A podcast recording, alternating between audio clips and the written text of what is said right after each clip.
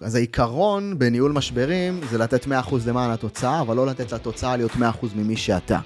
זאת אומרת, להיות מספיק חכם, לא לתת לגאווה להשתלט. אגב, כשהתוצאות לאגו. מגיעות, בדיוק, ולא לתת גם לייאוש ולדיכאון להשתלט עליך כשהדברים לא קורים. אהלן חברים, בפרק של היום אירחתי את איתן עזריה לפרק עמוק במיוחד. אתם תראו, אנחנו צוללים מאוד מאוד עמוק פנימה כבר ממש מהדקות הראשונות. דיברנו על הדברים שאיתן הביא מעולמות הספורט לעולמות העסקים, על איך בונים זהות מנצחת בלי תלות בתוצאות, על איך הופכים לווינרים אמיתיים בעסקים ובחיים, ואיך מייצרים מוצר פרימיום מנצח. זאת ועוד, על החיים ועל העסק, יאללה מתחילים.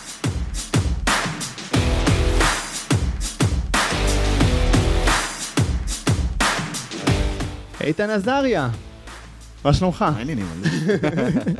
כיף גדול לארח אותך כאן כיף להיות. בבוקר הזה. ואיתן עזריה, מי שאיכשהו במקרה לא מכיר, כן, מאמן אה, מנטלי עטור הישגים. אה, קודם כל באת מעולם הכדורגל, נכון? אתה בעצמך היית כדורגלן. יש נכון? אומרים שנשארתי, כן. נשארת כדורגלן, ומאמן מנטלי שלקח אליפויות, גם עם הפועל באר שבע ועם מכבי חיפה, נכון? סדרת האליפויות של אה, ברק בכר. אז אה, תספר לנו רגע, אה, מה אתה לוקח מעולמות הספורט, כן, שמהם אתה מגיע, לעולמ- לעולמות העסקים, שבהם אתה מצטיין בשני העשורים האחרונים מה. מה לא?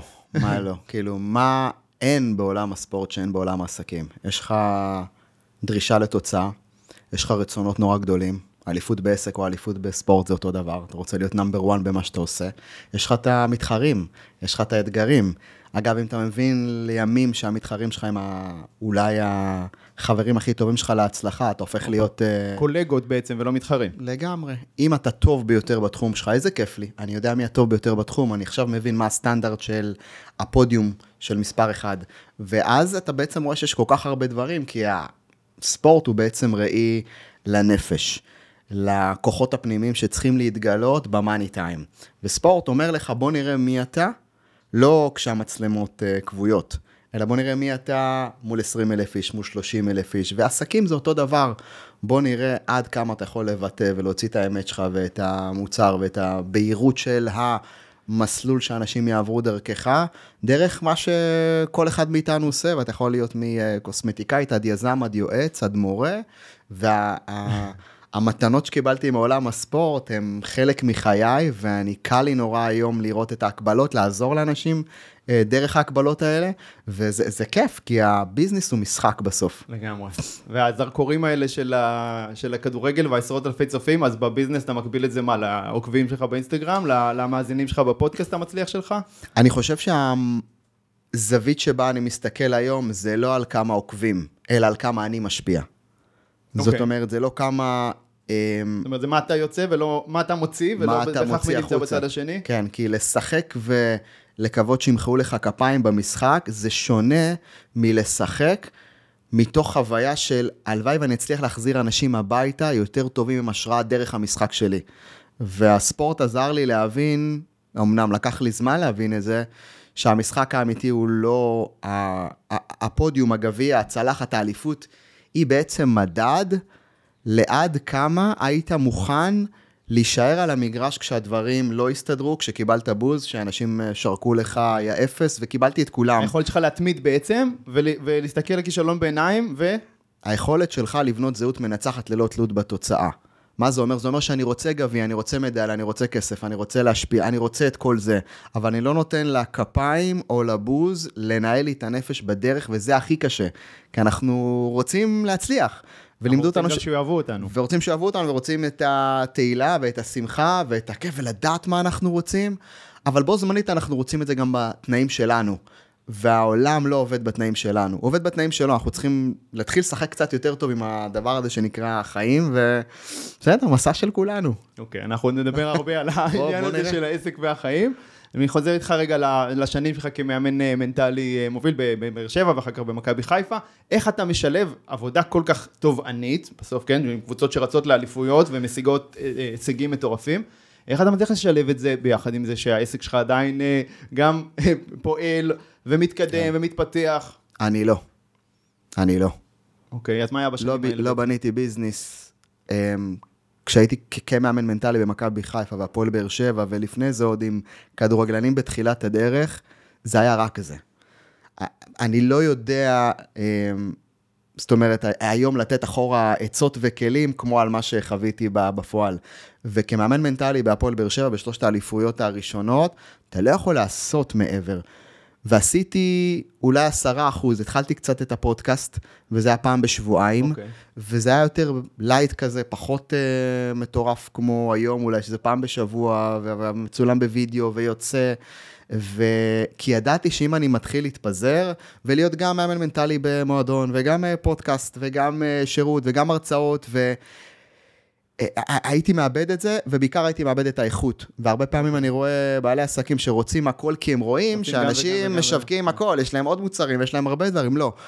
קודם כל, תהיו בבסט שלכם במוצר אחד, בתחום אחד. וכרגע מה שאני הייתי באותו, באותם ימים זה אך ורק בהפועל באר שבע, להיות נתון לפרויקט אחד.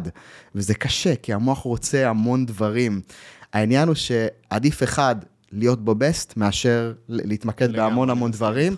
וגם היום שאני, יש לי גם הכשרת מאמנים היום, ויש גם את הפודקאסט, ויש גם תהליכי אחד על אחד, וגם מועדון הביולוגיה של הווינרים, יש לא מעט מוצרים, ואני לא קורא להם מוצרים.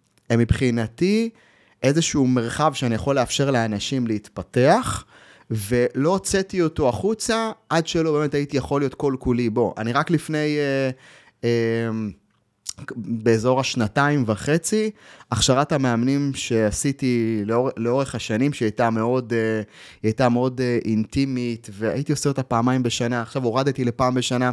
זאת אומרת, מה שאני רוצה לה, אולי להעביר כאן, זה שאל תמהרו לבנות סל מוצרים, לא צריך. אוקיי. אחד שאתם לגמרי. אלופים בו, ורילקס, כאילו, ת, תבנו אותו לאט לאט, תרגישו מתי אפשר לשחרר אותו החוצה לעולם, וזה... יפה, ולשמור על פוקוס כל הזמן, להבין מה הדבר האחד שלך, מה הדבר הכי כן. משמעותי, ורק כשזה עובד, שזה בנוי, שזה מוכן, שזה גמור, מסוסתם גם, שיכול להתקיים ולהתקדם בלעדיך, נכון? זה גם חלק חשוב בעניין. הייתי אומר נכון, אבל אה, עוד פעם, השגר ושכח הזה הוא לא... אה, לא, זה לוקח זמן כמובן להגיע לשם, כן, אבל זה כן. בהחלט אפשרי. לגמרי, לגמרי. אפשרי ולאט לאט. איך אתה מזהה, מה נקודת המעבר שלך? כאילו, הזמן שלך, כאילו, לעבור מדבר אחד ללבנות את הדבר הבא אחריו. אחד, שהדבר האחד, אני, אני, לא, אני לא שולח דברים החוצה. זאת אומרת, זה לא ש, אה, עשית קורס דיגיטלי, בוא נוציא אותו ונשגר אותו, אני תמיד עליו. תמיד עליו, יש לי את הצוות המדהים שלי, שיחד איתו אנחנו מאוד עם יד על הדופק על הכל. ואם אני יכול לקחת משהו אחד ש... שעכשיו קיים, תוכנית שהיא, אתה יודע, נבנתה לאורך זמן, ו... אני לא ממש משחרר אותה. אני משחרר את, ה, את הקורס, את התוכנית, יש מאמן מנטלי שמלווה, אבל אני תמיד שם. אז כאילו, ה, תחשוב רגע מה יזם אה, ממוצע יבוא ויגיד. אני אעשה את הקורס הדיגיטלי, אני אעשה פרסום פייסבוק, אני אשחרר אותו, שגר ושכח. כן. מה אתה בעצם אומר?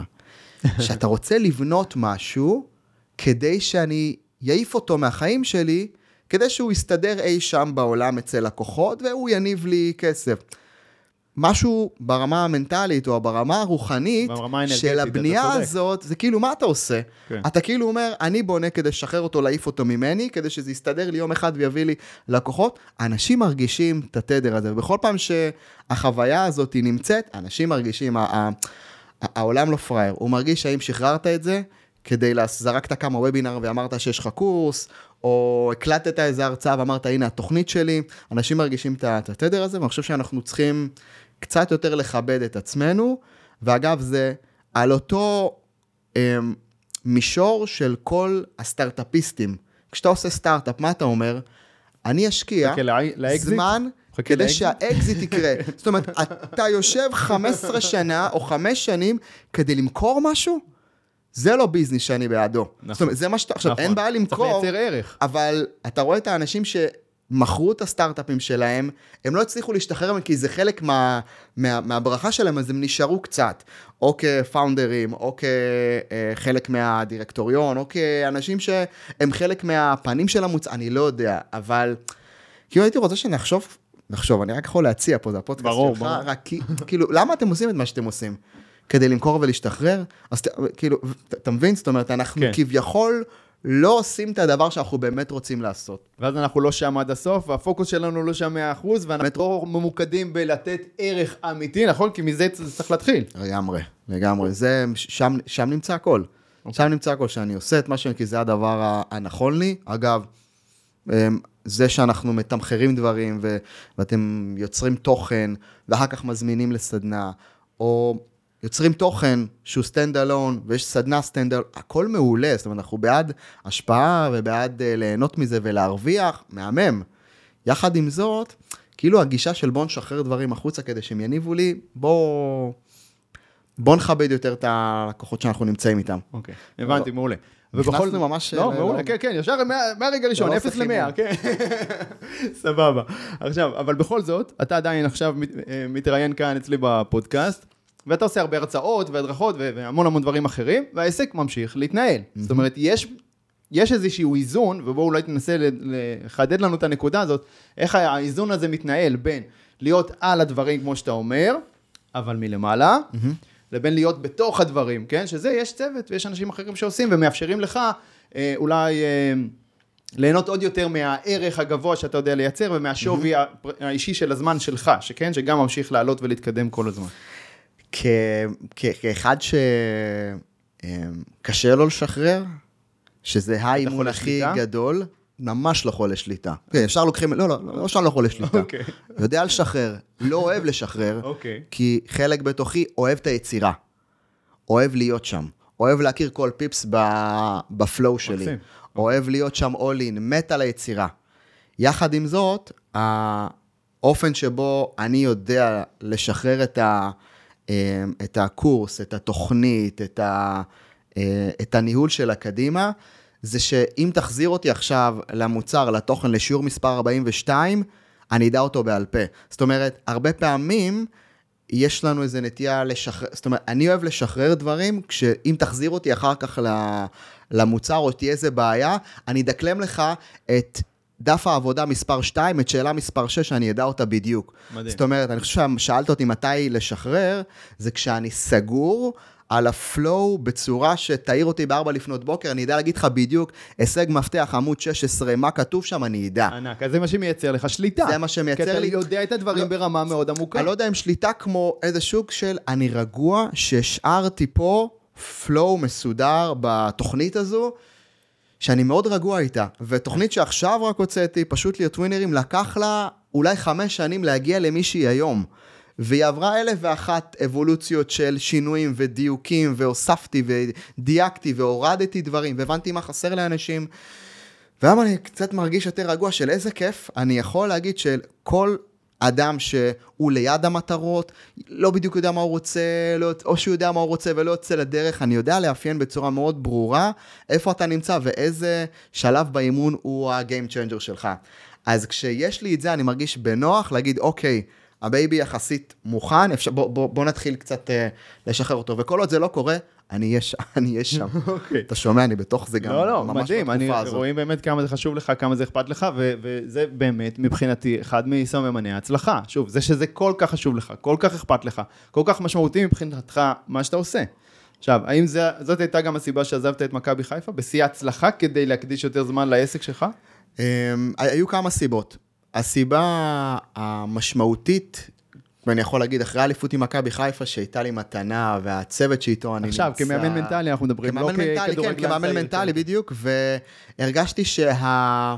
זאת אומרת, מקסום הפוטנציאל של איתן הסתיים במגרש הספורט, בעולם הכדורגל בישראל. בארבע אליפויות רצופות? וארבע אליפויות רצופות? והרגשתי שהמקסום של איתן במגרש הזה, כן? זאת אומרת, ספורט הוא רק אה, מגרש שבו הרגשתי שאני נועדתי למקסם את הביטוי והמימוש העצמי שלי כאדם, והמגרש הזה הסתיים.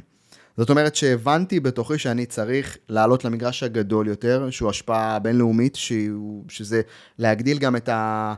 היכולת שלי להשפיע על אנשים פה, בטח בישראל, והתוכנית הכשרת מאמנים שלי הייתה, ודברים קרו, והרגשתי שאם אני לא עושה את זה, אז אני, אה, אני אפסיד בשני הצדדים. והיו לי סיבות מספיק טובות להישאר במכבי חיפה. בטוח. אבל להיות מאמן מנטלי, מבחינתי זה 24-7, זה עבודה שאתה לא יכול לבנות עסק ליד. זאת אומרת, זה לא... זאת אומרת, שני הדברים היו נפגעים, ואני באופן אישי, ולאורך כל השנים שלי כמאמן מנטלי, העסק היה ה... כביכול העדיפות השנייה. אוקיי. כי המאמן המנטלי שהייתי, הוא מבחינתי היה ה... ה... ה... כאילו לתת כבוד ורספקט לאנשים שאני עובד איתם ולרצון שלי, זה, זה היה שם. אני חושב שאם קצת הייתי מזגזג, הייתי נופל פעמיים. גם לא הייתי נוכח, שאני לא יודע להיות את זה בקבוצה, מעולה. וגם זה, אבל אם אתה רוצה, אז זה, זה הסיבה, אם שאלת מבחינה עסקית, כן. זאת הסיבה. הסיבה יותר עמוקה היא החיים והמשפחה, אשתי והבנות. זאת הסיבה מתחת לפני השורש. אני כי החלטתי... זה היה נורא נורא תובעני? כן, אני החלטתי שאני לא רוצה, או שאני כבר לא חושב שמגיע למשפחה שלי לא לראות את ה... שלאשתי לא מגיע לראות את, ה... את אה, בעלה, לא לראות אותו ב... בשבת או בשישי, או שאני יוצא באמצע השבת מהבית, נכון, או בסוף שבוע, שאני נכון. לא נמצא חודשיים, שלושה בשנה בבית. תחשוב, מחנה אימונים, טיסות, אירופה, אה, ליגת אלופות, ליגה אירופית, רגעים שבהם אתה מצד אחד, כל- מי שישמע אותו נגיד, יא דביל, כאילו, אתה, יש לך ליגת אלופות, סע, תעשה. והפסדתי והרגשתי את הכאב המקצועי הזה. שחיפה היו השנה בליגת האלופות. גם בליגת. האלופות וגם אה, אה, אפילו ניקח אחורה, זה יכול להיות ליגה אירופית אה, בשנה השנייה, כן. אחרי שעשינו את האליפות, דברים שאתה אומר, "יא, אתה יודע מה? והחוויות עם הצוות, דברים שאני מת עליהם, לשמחתי הצוות הוא כמו משפחה שלי, אז אנחנו בקשר. כן, אבל יש לזה מחיר אבל בבית. יש לזה מחיר בבית, ואני, אתה יודע, ההורים שלי גידלו אותי, וכנראה שזה מה שעבר לי, הם היו שם. ולי היה חשוב להיות שם כאבא. ואם עד אותה אליפות רביעית, תפקיד חיי הגדול זה למקסם את הפוטנציאל ולהיות מאמן מנטלי הטוב ביותר שאני יכול להיות, אה, אתה יודע, אתה, אתה מבין יותר מה, מה, מהי הצלחה בחיים, והתפקיד שלי היה... או הגדרת ההצלחה שלי השתנתה, או שודרגה, ולהיות אבא הפך להיות תפקיד חיי, להיות הבעל הכי טוב היה, להיות תפקיד חיי, והרגשתי שאם אני עכשיו אה, דואג רק לאיתן, אז אתה כאילו שם את עצמך במרכז, ויאללה, הבית יסתדר, והכל יהיה בסדר, והם יקבלו את איתן, אני אבוא כאורח מדי פעם הביתה, ו... וזה היה לי משהו שהוא אה, לא, לא הסתדר לי. אוקיי. ואני שמח שכשאמרתי את זה בטח לברק בכר ו- ולצוות, ואפילו ליאנקלה ולעוזי מור, החש... כי אתה יודע, דיברתי בחיל ורעדה, כי אני אומר להם שאני אמ, לא ממשיך במקום שבו אתה הכי אוהב להיות. ואני חושב שעסקית, וכשאנחנו מדברים על, ואתה בפודקאסט של עסקים והחיים, הדבר הכי קשה זה לאתגר אסטרטגיה מצליחה. אוקיי. מה אומרים לך בעסקים? אם לא שעובד- הולך, מה שעובד, בוא ת- מה תמשיך. שעובד תמשיך. לא, מה שעובד, רגע, אולי, אולי משהו גבוה יותר מחכה לך, ולאתגר אסטרטגיה מצליחה, זה אחד המתנות שקיבלתי מחבר טוב, שהוא בעלים של חברה ענקית, וכשהוא הזמין אותי לתת הרצאה בארגון שלו, הוא נתן הרצאה קודם, ובאתי, והיה לי כל כך כיף לשמוע את זה, כי הייתי צריך לעשות את הדבר הכי קשה. כשטוב לך, למצוא רגע. האם הטוב שלך הוא טוב רק לביזנס, ולא לחיים ולמשפחה ולבית ולמי שאתה? והיום מבחינתי הצלחה, אם היא לא הוליסטית עם החיים, אתה לא מצליח. או לפחות אתה מצליח, אבל השחיקה בדרך. העומס הנפשי בדרך, והוא הוא, הוא, הוא עוד שנייה יגיע. אוקיי, אז זה באמת הנושא של הפודקאסט שלנו, על החיים ועל העסק. ואיך אתה, תן לנו ככה טיפים, איך אתה משלב באמת את ה... הבנו פה, כן, קודם כל הגדרת מה באמת חשוב לך, כן? מה שדיברנו עכשיו על מכבי חיפה והחלטה לעזוב, זה להבין שהבית הוא יותר חשוב לך. יותר חשוב מההצלחה כרגע הספורטיבית, יותר חשוב מהרבה דברים, או מכל דבר אחר. זה לא שזה יותר חשוב, אלא התמונה של ההצלחה הגדולה, אם היא לא בהלימה עם המשפחה, החיים, אז היא לא שלמה. אז היא לא שלמה. ואם היא לא שלמה, אני כבר לא יכול להיות שם. אוקיי, אבל איך בעוגנים ביום-יום שלך אתה כן. מצליח לשלב את העב- העבודה המטורפת שלך עם החיים האישיים בבית? אתה מתחיל לבנות את החיים שלך, כשבעצם אתה אומר, רגע, רגע, שנייה, רגע. אם עד היום העסק, התוצאות של העסק, הם בעצם אה, ראש החץ, אתה אומר, רגע, רגע, זה תפקיד אחד בתוך החיים השלמים. זאת אומרת, שאתה בונה את הלייפסטייל של החיים, ואחריו את העסק, ולא הפוך. יפה. מה בעל עסק אומר? אני אבנה את העסק, יום אחד אני אעשה כסף, יסתדר, יהיו לי חיים. לא, לא יהיה לך חיים. וזה לא מגיע אף פעם. זה לא מגיע מה- אף כי פעם. כל מה אנחנו רוצים, כן. הגענו למדרגה מסוימת, אנחנו לא מסתפקים בה, אנחנו תמיד רוצים עוד, ורוצים עוד, ואז העסק- העסק שואב אותך פנימה, אני הייתי במקומות האלה, הרבה בעלי עסקים נמצאים במקומות האלה, ובדיוק כמו שאתה אומר, גם זה מה שאני מלמד היום, זה להתחיל הפוך, להתחיל מאיך שאתה רוצה שהחיים שלך ייראו, ולבנות מסביב זה את העסק שיאפשר לך גם את החיים האלה. בדיוק. כשאתה חושב על עולם הספורט ועל הישגים, אז כל אלוף אמיתי שהצליח להגיע לפסגה, משהו בו הצליח לחיות את העתיד שלו בזמן הווה לפני שהתוצאות קרו. נכון, מה כולם אומרים? כשאני אראה תוצאות, רק אז אני אשתנה, אני אחיה את החיים שאני רוצה, לא, לא, לא. תתחיל לחיות חיים שאתה רוצה, על זה תבנה את העסק שלך, ואז תגלה שאפילו שיש לך פחות זמן ביומן, בזמן הזה שיש לך, אתה נאלץ לבצע ביצועים גבוהים מאוד. זאת אומרת שהתפיסה של זמן אה, כמשאב היא בעייתית. כי זמן הוא משאב מוגבל. נכון. והוא לעולם לא יהיה כמו שאנחנו רוצים. מצד שני, אנרגיה נכונה בתוך הזמן היא המשאב שאנחנו צריכים לנהל. זאת אומרת שזה לא כמה זמן יש לנו, זה איכות האנרגיה בתוך הזמן. פוקוס. ואפשר להגדיר את זה כפוקוס, העניין הוא ש... אמ, שכשאתה בונה חיים, ומסביב החיים שלך את העסק, ולא הפוך, עסק באמצע, ואז החיים, אתה פתאום אומר, שנייה רגע, מה, מה אני צריך כדי להיות נוכח באנרגיה, ב, ב, ב, ב, כאילו, אדם שמסוגל להחזיק uh, עסק לאורך זמן? והתשובה היא שהאדם שלך צריך להיות חזק לפני העסק. יפה. ופה, כמה שאתם כמובן נרצה להיכנס, שם אני שם את מרכז הפוקוס שלי. היום, או השבוע, או היומן שלנו צריך להיות בנוי מהאדם ומהתפקיד. אצל רוב האנשים ביומן זה back to back, פגישות, שיחות וזה. זה רק התפקיד. ורק התפקיד וזה, ואז בסוף... איפה אתה? איפה אתה כבן אדם? משפחה ו... כבעל כן. עסק, כבעל משפחה, בדיוק. ונורא קשה לאנשים לעשות את השיפט הזה, כי הם מוכווני תוצאות כאן ועכשיו, והם לא מוכווני השפעה ומורשת לאורך זמן. אוקיי. Okay. ואז הם משיגים תוצאות ונשחקים, והעסק נסגר, או שהעסק בצרות. העסק לא בצרות. אתה כאדם בצרות. וזה בדיוק... וזה משליך על העסק. וזה משליך על העסק. ומישהו כתב לי עכשיו אה, בשאלות באינסטגרם, שאני ממש אוהב לעשות, אני לא עושה מספיק, אני צריך יותר, כי זה קשר מדהים עם אנשים, אתה חווה איתם את כן. היכולת אה, לענות אה, יחסית מהר לשאלות מיידיות. ומישהו אומר לי משהו בסגנון של, אני לא, ההפרעות בחיים מונעות ממני להתמקד בעסק ומשהו כזה. אז, ו, אז כאילו, הוא אומר, מה הוא אומר לי? תקשיב, ההפרעות שלי בחיים מונעות ממני להתמקד בעסק, שבעצם אני לא יכול להתמקד בעסק כי, לא יודע, משהו לא, משהו לא בהיר לי שם בחיים. ובעצם מה הוא אומר ברמה לא מודעת? הוא אומר, כשיהיה לי זמן להתמקד בעסק, אז אני אוכל להשפיע על ה... גם, הזמן הזה לעולם לא יגיע. זהו, ובגלל שהזמן הזה לא יגיע, אנחנו צריכים לקחת בעלות אמיתית על זמן האדם וזמן התפקיד. וזמן האדם זה על הבריאות שלנו, על הספורט שלנו, ועכשיו לא ספורט, עזבו חדרי כושר, מאמנים אישיים, על התנועה שלנו, על היכולת להתחדש בתוך היום. באמת. מייצר על... אנרגיה בגוף שלנו, ספורט מייצר לנו אנרגיה בגוף, כן? לא חייבים להיות ספורטאי צמרת, זה הליכה בשמש 20 דקות, זה גם סבבה. בדיוק. ואם עד היום, כל הקטע הזה של תעשה ספורט, תהנה, תעשה חיים, זה היה קטע ניו אייג'י כזה, של בואו תתפתחו. כן.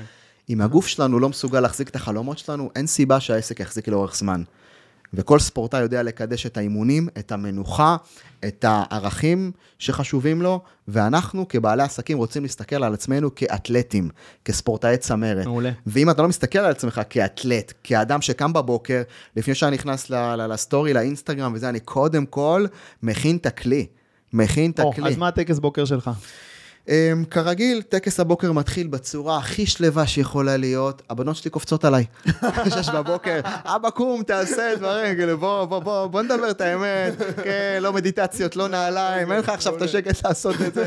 אז הטקס בוקר מתחיל בלארגן את החיים, את הבנות, את הסנדוויצ'ים, לעשות את כל מה שצריך. ו... ואני מתאמן כמה שאני יכול להיות שנייה רגע, אתה יודע, לנוכחות ברגעים האלה, אתה יודע, למרוח את הגבינה כמו שצריך, לשים את הסנדוויץ' כמו שצריך, וזה אחת ההנאות שלי לקחת אותם לבית ספר ולגן, כן? זו זכות גדולה מאוד. זכות אדירה, בוא לא נתבלבל, יש, לה, יש רגעים שלא בא לך לקחת אותם לגן ולבית ספר, ואתה לא האבא המושלם, ו... אבל יש שם איזה רגע שוואלה, לא יכולתי להרשות לעצמי אותו הרבה פעמים בחיי. והמתנה הזאת היא עבורי אדירה, לוקח, שם אותם, ואז שמונה בבוקר אני יכול להתחיל את ה... באמת את היום. אמ, שבוע האימונים שלי בנוי כל הזמן משלושה אימונים שהם בדרך כלל באמצע היום, ויגידו לי, מה, אמצע היום, אתה צריך לשבור את העבודה, לעשות, אז מבחינתי הזמן אימון, שהוא אימון, אה, הוא יהיה אימון אה, משקולות, פונקציונלי, שילוב של פול בדי, שבו אני יוצא לאיזשהו סוג של התפרצות, עושה לי את ה... אתה יודע, אם תרצה כמה שיותר ניכנס, אבל השעות האלה של בין אחת לשלוש, זה שעות של צניחת כן, אנרגיה. שהיא דווקא השבירה ככה- הזאת באמצע היום היא מאוד משמעותית. עכשיו, בש- בשוקת הזאת אנחנו זקוקים להתחדשות, ובדרך כלל בשוקת הזו אני רואה מלא אנשים שכמובן ניקח את העולם של עולם העסקים, יש נטייה או לאכול ארוחת צהריים, ואז אתה גם ככה בדאון, נכון. או שאתה צריך לעבוד ולתקתק עוד עבודה, אז אתה מכניס כימיקל, קפה, סוכרים כדי להישאר. כן, ומדלג על הארוחה. ומדלג, ואז אתה בשלוש, כבר גמור. אני אוהב להרוויח בוקר שני, וזה אגב משהו שהוא כל כך, אה, יודעת, כמה שתרצה ניכנס ל- ל- למח- ל- למחקר, ואנחנו זקוקים לאיזושהי התחדשות מאוד מאוד בסיסית נכון. של הגוף, והשעות של בין אחת לשלוש, הגוף גם ככה ב... הוא בצמאון. למה? להתחדשות. אני אוהב לשבור שם באימון, וכשאני מסיים את האימון, אז אני עושה מקלחת טכנית, אני מבזבז שעה וחצי בתוך היום. אבל כשבשלוש אני יוצא, או בשתיים וחצי, משהו בי הרוויח עוד בוקר. מדהים. ואז אני רואה את כל הגמורים אנרגטית, בדרך כלל במשרדים, לא בקטע רע, בקטע כן, כן. אמיתי, אתה יודע, הם רוצים נורא לדחוף, אל תדחפו. אנחנו לא צריכים לדחוף, אנחנו צריכים להתחדש יותר. ולכן, אתה יודע, היום בנוי או שבוע בנוי בדיוק באופן הזה, של אה, בוקר, זה יהיה מ-9 עד 12 פול וורק או עבודה, או בין אם זה הרצאה או משהו שאני צריך, ל, ל, שהוא בלוז, ואז אני אשתדל לארגן לעצמי את, ה, אה, את האימון הזה. וזהו, אני, את- אתה מבין, כאילו אנחנו מדברים, אה, כן. כאילו לא על עסקים, אבל הביזנס שלנו האמיתי הוא הגוף שלנו, התודעה שלנו. לגמרי, זה- זה העסק, זה לגמרי, זה זה להיות שלם. עם עצמך, להיות שלם עם החיים האישיים, עם הבית שאתה משאיר גם מאחוריך, נכון? כן. מה מאפשר לנו לצמוח בעסקים? שאנחנו יודעים שהבית מאושר, שהבית. רגוע, ואז מאפשרים לנו. גם לצמוח, נכון? ממש לגמרי. ואיך אתה משלב את זה עם זה שגם אשתך היא בעלת עסק אה, מצליחה? אז אם אנחנו לוקחים את האדם והתפקיד, שיומן צריך להיות בנוי אה, כיומן שלם, לא כיומן של משימות, ואתה כבן אדם נדחק ל-10 בלילה באינסטגרם לגנוב זמן חיים. יומן צריך להיות יומן של האדם והתפקיד, של שניהם. אז השמחה הכי גדולה שלי, אתה יודע, אשתי עושה בדיוק את אותו דבר. ליב. וליב, כפרה עליה, הנה, את רואה אותי, אה, לכלך עלייך קצת עכשיו. אני חושב שהיכולת להיות ב, באותו מקום של צמיחה, זאת המתנה הכי גדולה שלנו. זאת אומרת שלשנינו יש את הפיקים ואת לעשות את הצמיחה הזאת האתגרים. ביחד, במקביל. איזה כן. יופי. ו- ושנינו חווים את האתגרים הכי גדולים שיכולים להיות, של צמיחה, ופתאום סוגרים לך את זה, פתאום נכנסים לך ופורצים לך לפה, ופתאום אתה צריך לייצר סרטונים, והיא צריכה, לה- זאת אומרת, יש פה אתגרים אינסופיים, שהמתנה הכי גדולה זה בסוף לזכור שאנחנו uh, יחד. ואתה יודע, ממש עכשיו, uh, אתה יודע, כשאנחנו קצת אה, מרגישים, או כשליב מרגישה, שוואלה, בואנה, אנחנו כאילו, שכחנו את עצמנו קצת, מה נהיה? אז היא ישר שמה את הזרקור.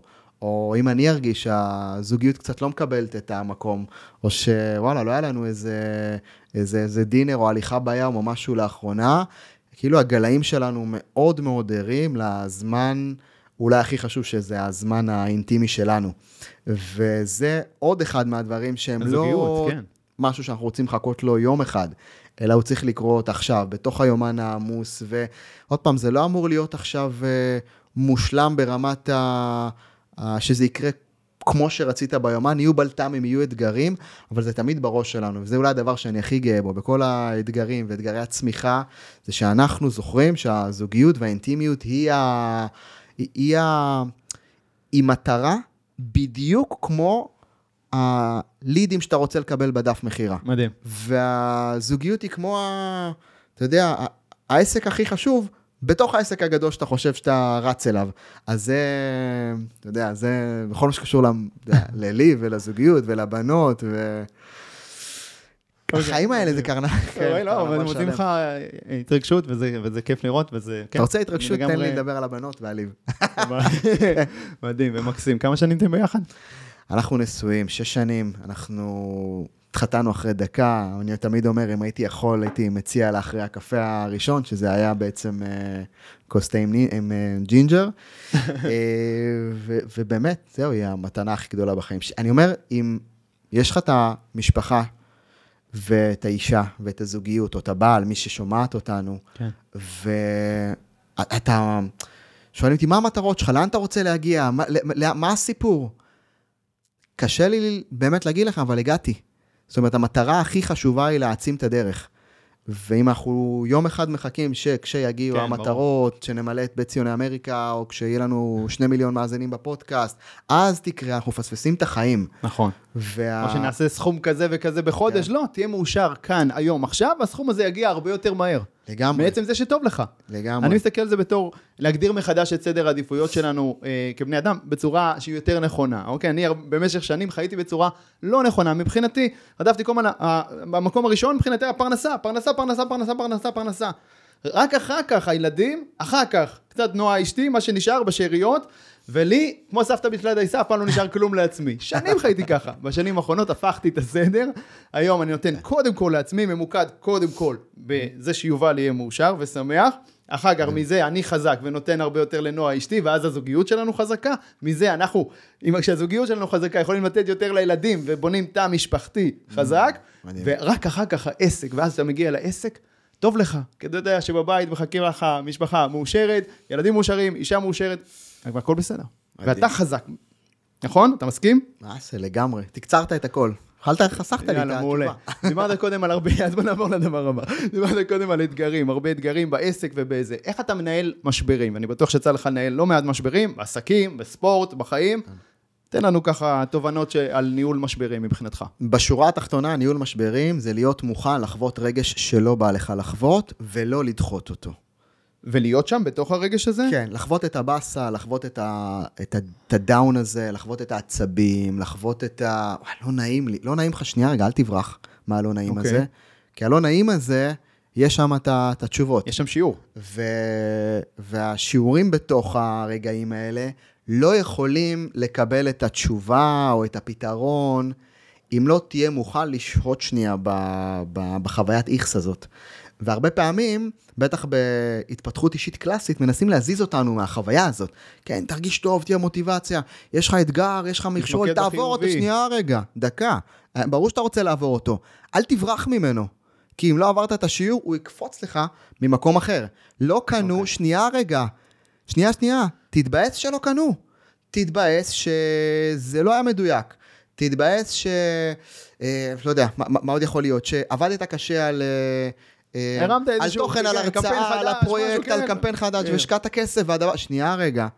אם לא תחווה את האיכס הזה, את הבאסה הזאת, לא תבין באמת כמה זה בוער בך. אבל לכמה זמן? מצד שני, יש הרבה אנשים שנשארים בדאון הזה יותר מדי. איפה נכון. אתה עושה את השינוי? ולכן... חזרה למעלה. בדיוק. לכן, משהו בתוכנו צריך לדעת לעשות סוף לדרמה. מצד אחד, לא לתת לדאון הזה לקחת אותך ולשאוב אותך לשבוע, ולהחליף עסק, ולהחליף מוצר, ולהחליף זוגיות. שנייה רגע, לא? אוקיי. הרעיון כאן הוא בעצם לתת מקום ולקבל את הרגע הזה. למה? כי זה אומר שאם אתה מאוכזב שלא הגיעו תוצאות, קודם כל זה אומר שהיית all in. זה אומר שמשהו בך שזה מספיק החליט חשוב לך. לקפוץ. ואם זה שם, יופי, נהדר. זה אומר שזה מספיק חשוב לך, אז אחד, אל תפרוש. שנייה רגע, תבין שאיזה כיף, משהו בך אומר, וואלה, נתתי הכל, ואגב, אם לא נתת הכל, אוקיי. מהמם שתהיה מאוכזב על זה שלא נתת זה- זאת הכל. נקודה מאוד חשובה, וזה. דבר, דבר שאתה מדבר עליו הרבה, נכון? לגמרי. באמת אז- להיות. שלמים ממה שנתנו. לגמרי. אז ואז, כשאתה- לא, ואז אנחנו לא מודדים לפי התוצאה, אלא מודדים את עצמנו לפי מה שהשקענו. בדיוק. אז העיקרון בניהול משברים זה לתת 100% למען התוצאה, אבל לא לתת לתוצאה להיות 100% ממי שאתה. זאת אומרת, להיות מספיק חכם, לא לתת לגאווה להשתלט. אגב, כשהתוצאות לאגו. מגיעות, בדיוק, ולא לתת גם לייאוש ולדיכאון להשתלט עליך כשהדברים לא קורים. אוקיי. ולכן בשלב הזה, הדרך היחידה ל- לקפוץ, להתגבר על משברים, לנהל אותם, זה לקבל את הרגש האיכס הזה שאתה לא אוהב אותו, להגיד שנייה רגע, הנני מוכן כרגע להרגיש את אותה חוויה ואת אותו רגע שלא בא לי לחוות, ואני נותן לו רגע מקום, תנו לו שם. אני מרגיש כרגע כעוס, מאוכזב, אפס, מבויש, אה, תגידו את המילים. תנו להם רגע, הן מחפשות כרגע ביטוי. למה? כי זה, כי זה עוזר לשחרר את זה? תן לזה זה שנייה, כן? תן לזה שנייה מקום. ילד, יש לך, ברוך לי שלושה השם, חמודים, אז עליהם. חמודים, וכפר עליהם כשהם רוצים משהו, הם לא, אתה יודע, הם לא נחים, נכון? כאילו... הם לא מבשרים לך על זה בעדינות. הם, כן, אה, הם לא אומרים לך, תן לי ביטוי והכל יהיה טוב, זאת אומרת, הילדים רוצים משהו. עכשיו, אותו דבר, החלק הכל כך הישרדותי, הבהמי בתוכנו, הוא רוצה שנייה מקום, תנו לו מקום. זאת אומרת, דווקא לא לדחות את החוויה, זה דווקא החלק שנותן לנו להתקדם. הרי מה, מה אנחנו מנסים לעשות? אתה מנסה לא להרגיש את הרגש הלא נעים הזה, נכון. את חוות התסכול, הבושה, הבאסה, התאמצתי, השקעתי 4,000 שקל בקמפיין, יצאתי לפרויקט, חצי שנה אני כותב אה, הרצאה, אה, והדברים לא הסתדרו. בדרך כלל אתה אומר, בוא ננסה להדחיק את החוויה, אל תדחיק. דווקא כשאתה מדחיק את החוויה ולא מקבל אותה, אתה בעצם, אין לך את הדרייב האמיתי ממנו כן, להתקדם. אבל שוב, איך אתה, שחררת הכל, איך אתה קם, איך אתה מזהה את נקודת הפיבוט הזאת מפסיק של לנתח למעלה? רגשית ומתחיל לנתח עובדתית. אוקיי. זאת אומרת שהשלב הראשון, שנייה רגע, אני נותן לזה להיות, השלב הבא, שאתה שנייה רגע... שחררנו את כל הרגשות, עכשיו אנחנו חוזרים להיגיון. בין, לא, לא יודע אם שחררת כמו נתת להם מקום. עכשיו אתה אומר, אוקיי, שנייה רגע, שנייה רגע, שנייה, שנייה, שנייה. בוא, בוא שנייה, נסתכל רגע, מה באמת קרה, אוקיי? ומה באמת קרה, זה לא איך הרגשתי. אוקיי. איך נשים את הרגשתי, הדרמה בצד זה את ולהיצמד הסיפור. לעובדות עכשיו. בדיוק, אז איך הרגשתי, זה הסיפור, זה הדרמה, זה מה אני מספר לעצמי שקרה באירוע, כי לא קנו, כי לא הגיעו, כי לא קנו כרטיס להרצאה, או כי לא האזינו למה שיש לי לומר. ניתוח עובדתי זה מה באמת קרה. עכשיו זה להסתכל על כל, אם זה נניח פאנל, כן, זו דוגמה שקל להסתכל עליה, אז יש לה, יש מודעות, יש דף נחיתה, יש כאילו אה, שיחת טלפון אחר כך, או וובינר, או, או מעמד מכירה כזה או אחר, נכון, אז מסתכלים על כל חלק בפאנל הזה, במשפך השיווקי או המכירתי הזה, ומתחילים להבין, נכון? ואז אתה מסתכל... איפה הבעיה? קודם כל, איפה הבעיה? בכל התהליך, שהוא, יש לו יודע- הרבה חלקים. לגמרי. ואתה יודע איזה תשובות יש כשאתה מסתכל עובדתית על דברים ולא רגשית? וואו, שם המתנות האמיתיות קורות. זאת אומרת, אם אתה שואל אותי בעצם מה האימון המנטלי הכי חשוב של בעלי עסקים, זה להפסיק לנתח את העסק שלהם רגשית, ולהתחיל ללמוד לנתח אותו עובדתית. יפה. וזה הכי קשה, למה? כי אתה בא לעסק מהשליחות שלך, מהתנועה הפנימית שלך, שאני רוצה לתת, כולך מחובר רגשית, כשאתה לא רואה כסף, תוצאות, לידים, מטרות, אתה כאילו, אתה חוזר להיות איזה ילד ששכח את המהות שלו, שכח את השליחות שלו, כאילו הכל נהיה מה, לא הביאו לי, לא נתנו לי, לא קנו, לא הגיעו, אתה נהיה כמו איזה נזקק. בשלב הזה, קריטי לעבור מהתודעת נזקק הזה של מי עכשיו יבוא, למה לא מקשיבים לי, למה באמת קרה. ומה באמת קרה, זה חיה אחרת שאם נסתכל עליה, בואנה, אולי שכח, אתה יודע, אנשים גלים שהם שלחו לשלוח, שכחו לש, לשלוח את האימייל שמספר על, ה... כן, התזמון לא היה על, הש... על. הסדנה, או שלא באמת העלו תוכן, או שהם באמת פתאום קולטים, וואי, נכון, כאילו, לא... ש- שמה, חיינו באיזושהי אשליה מסוימת לא, של ביצוע, לא שהביצוע לא קרה? לא קרה ביצוע שהיה אמור באמת לספר את המוצר נכון, לצורך העניין. אוקיי. או, אה, או שהם אה, שכחו לספר על איזשהו ערך מוביל, שזה היה להם ברור שכולם כן. יודעים אותו, אבל הם לא סיפרו עליו. כן. זאת אומרת שכשאתה מסתכל עובדתית או על שלא קלנו הדברים... בול, המסרים ש- שעוברים בדיוק בראש של הלקוח האידיאלי שלנו. לגמרי, כי למשל. כולם טובים בלייעץ לאחרים. אבל כשמדובר בעסק שלך, נורא קשה לך להסתכל כי אתה מעורב. רגשית. בדיוק, וזה הסיפור. להיות ווינר זה לדעת להיות ממוקד בביצוע, ולדעת להיות מאוד חכם מתי ה... החלק המאוד רגשי והישרדותי בתוכי מגיע. ואני יודע שאני אומר משהו שהוא קצת, אה, אתה יודע, קצת מנוגד לעולם של התפתחות אישית. אומר לך, תרגיש, תהיה מחובר. כן, אני לא, לא, לא אומר, תרגישו, תהיו מחוברים. לא, הגדרת את זה בתור השלב הראשון, ממנו אנחנו. מתקדמים לשלב השני. מי שיישאר רק בשלב הראשון, לא. יצליח, לא יתקומם, לא יתרומם משם. זאת אומרת שהמעבר הוא מניתוח רגשי לניתוח עובדתי. יש משהו שנקרא אה, emotional estimation, הערכה רגשית, לעומת seen only validation, לראות אך ורק את העובדות. וזה מונח מאוד מוכר שאנחנו לוקחים בטח מעולמות הניהול והעסקים, שהוא כל כך קריטי לשים, ולפעמים לא נצליח לעשות את זה לבד, וקריטי שיהיה איתנו מישהו. אוקיי, מעולה. שיגיד לנו, תקשיב, זה המספרים, מככה זה מגיע. וכאדם שיותר אוהב את החלק הרגשי והתודעה, יש לי את הפגישות הקבועות שלי עם הצוות, שמלווה אותי אך ורק על מה? על המספרים, על מה קרה, על איפה אנחנו נמצאים, כי לא פעם אני לא יודע לתת את התמונה, וטוב שככה, כן? וטוב שככה, אני לוקח אותם, כן. פתאום אתה אומר, יו, ממבט העל של ה... אנשים שמשלימים את החולשות שלך בעצם. לא יודע אם חולשות, כמו דברים שאני לא רוצה להתעסק בהם. אני לא רוצה okay. אוקיי. להיות האיש שעובד על האקסל, זה לא התפקיד שלי, לא לזה ירדתי לעולם. אבל בלי זה אין צ'אנס לצמוח, אז אני לוקח את האנשים הכי טובים okay. בארץ, שהם יהיו איתי ב... יפה, ב... כי חובה להסתכל על המספרים בעיניים, כן. כי הם אלה שמספרים לנו את הסיפור בסוף. לגמרי. אוקיי, עכשיו מה לגבי משברים שהם לא אה, תלויי באמת מה שעשינו או לא עשינו, אלא דברים אה, שלא קשורים, כן? פתאום משבר אה, כלכלי עולמי, פתאום קורונה, כן? שריסקה את העסק שלי באופן מוחלט, שהוא היה 100% פרונטלי עד אותה נקודה, ופתאום שווק לחלוטין. מה עושים במצב כזה? זה לא עניין של להסתכל, מה, אוי, שכחתי לשלוח מייל, או, או לא עשיתי נכון, או המודעות לא עבדו. העולם השתנה פתאום. משבר עולמי,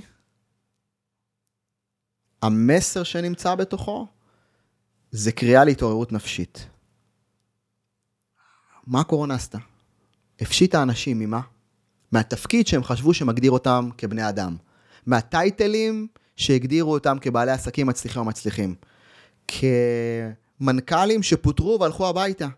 והם לא שאלו את עצמם, שיט, למה פוטרתי? נכון, זאת הייתה השאלה, אבל זאת השאלה השנייה, של למה פוטרתי, מאיפה אני אעשה כסף. השאלה היותר מהותית שאנשים שאלו אותם כשהקורונה והמשבר הגיע, זה מי אני? מי אני בלי העסק שלי? מי אני בלי התוצאות שלי? מי אני בלי הדבר הזה שהגדיר אותי okay. עד היום?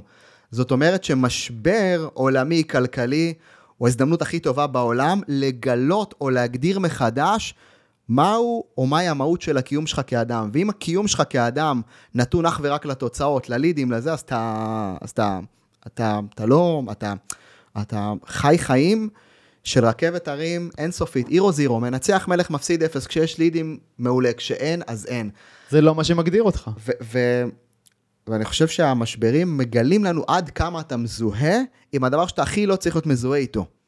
עם התוצאות שלך, עם המטרות, עם הרגעים האלה שחשבת שהם יגדירו אותך. אוקיי. ואנחנו רואים חוויות נורא קשות עכשיו של אלופים בכל תחום, כן? מי, אה, אתה יודע, לפני שנים שביונסה אחרי אלף אה, הישגים מטריפים כזמרת על, החליטה לקחת שנה חופש, כי היא כבר לא יכלה לשאת את הלחץ לעבר התוצאות, את ביונסה. היא לקחה שנה חופש, ויש לא מעט אנשים שמחליטים לחזור הביתה, ומי זה הביתה שלהם? האדם שהם היו לפני שהעולם החליט כמה הם שווים בזכות התוצאות שלהם. אוקיי. אז זו שיחה יותר עמוקה, שאני לא יודע אם אתה רוצה ללכת אליה, אפשר, אפשר. אבל התשובה הקלאסית של מה עושים במשברים, אה, מתחילים להגדיר, שנייה רגע, בואו נבין רגע שמשבר זה אך ורק קריאה להתעוררות נפשית. משהו בך לא יצא מספיק החוצה עד הסוף. להבין, להבין ולדייק מי אני, ומה הערך שיש לי לתת לעולם הזה. כן? כן? כן, כן. אוקיי, שזה בעצם מה שאני גם עשיתי בקורונה. זהו, זה מהפך מטורף שעשית. והוא ברכה נורא אדירה, ותראה מה קורה מה... לגמרי, לגמרי. אז. אם אני מחבר את זה אבל למקומות שאתה אה, דיברת עליהם, אז במשבר הזה שקרה לי בקורונה, אז יומיים ראשונים היו לי מאוד מאוד קשים, עשיתי שיחות עם כל הצוות שלי, 20 עובדים כבר. 12 סניפים בכל הארץ, פיזיים, 20 עובדים, שיחות עם כולם, יוצאים לחל"ת, אין מה לעשות, בואו נראה מה קורה, חלקם גם פוטרו, כי ידעתי שהם גם לא יחזרו. ואני ניסיתי להרים אותם ולשדר אופטימיות ויהיה בסדר ואנחנו נפצח את זה ונמצא את הדרך וזה, וספגתי מהם את כל השליליות ואת כל הפחד שלהם מהלא נודע במצב הזה. אז יומיים ראשונים היו לי נורא נורא קשים, וקמתי בבוקר של יום השלישי ממש עם איזה מועקה כזאת בחזה, ושם אבל אני זוכר איזו שיחה שהייתה לי עם נועה אשתי במטבח, קיבלתי החלטה שם, שהדבר הזה הוא איזושהי הזדמנות, הוא איזושהי מתנה, חטפנו פה כאפה כאפה, אבל עכשיו יש לי הזדמנות בעצם לבנות הכל מחדש, עם כל הידע וכל הניסיון שצברתי, ועם הגדרה של, שוב, של מי אני באמת, איך אני רוצה שהחיים שלי ייראו, ועכשיו לבנות את זה ככה, בדיוק כמו שאמרנו וואו, קודם, לבנות את העסק מחדש בצורה שיתמוך בחיים שאני רוצה לחיות. וגם, אני חושב שהקורונה נתנה לנו מתנה של אה, צניעות. של... לגמרי. מי אתה אתה בכלל, לא- בתכלס, כן, הנה, וי- וירוס קטן. לא... לא הכל עליך. כן.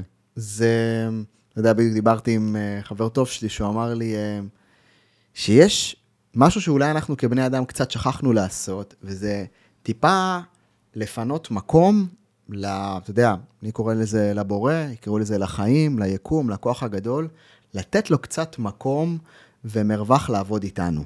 מה זה אומר? זה אומר שעד הקורונה היינו בטוחים שהכל עלינו. אנחנו יודעים הכל, אנחנו נעשה הכל.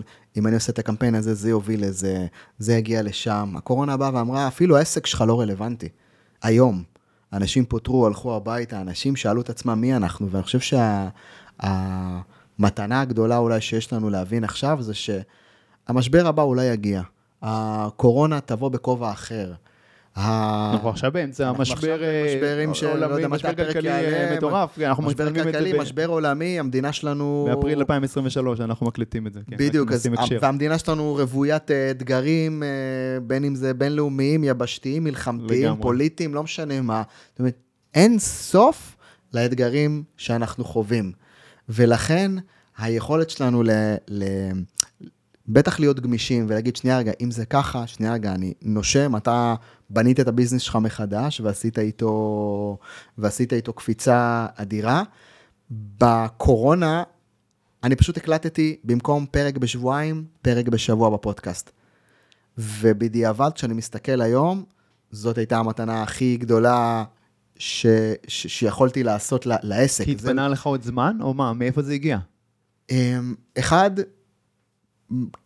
כצעד אנוכי עבור עצמי, אמרתי, אני חייב לעשות משהו עם עצמי, אני חייב לה, להקליט, להוציא משהו, שנייה, רגע, אולי זה יהיה טיפול שאני אעשה, אז התחלתי להוציא קצת יותר אוקיי. מכל הבפנים צורך שהיה אה, לי. רגשי פנימי שלך. כן, ואם אני אוכל לשתף את זה עם העולם, אז יאללה, ריפוי כפול, גם אני, גם הם, בוא נעשה מדהים. ונצא. ופתאום סיפרו לי, בדיעבד היום, שהתקופה בקורונה, שאנשים היו יוצאים להליכה, שהיה אפשר לצאת 200 מטר.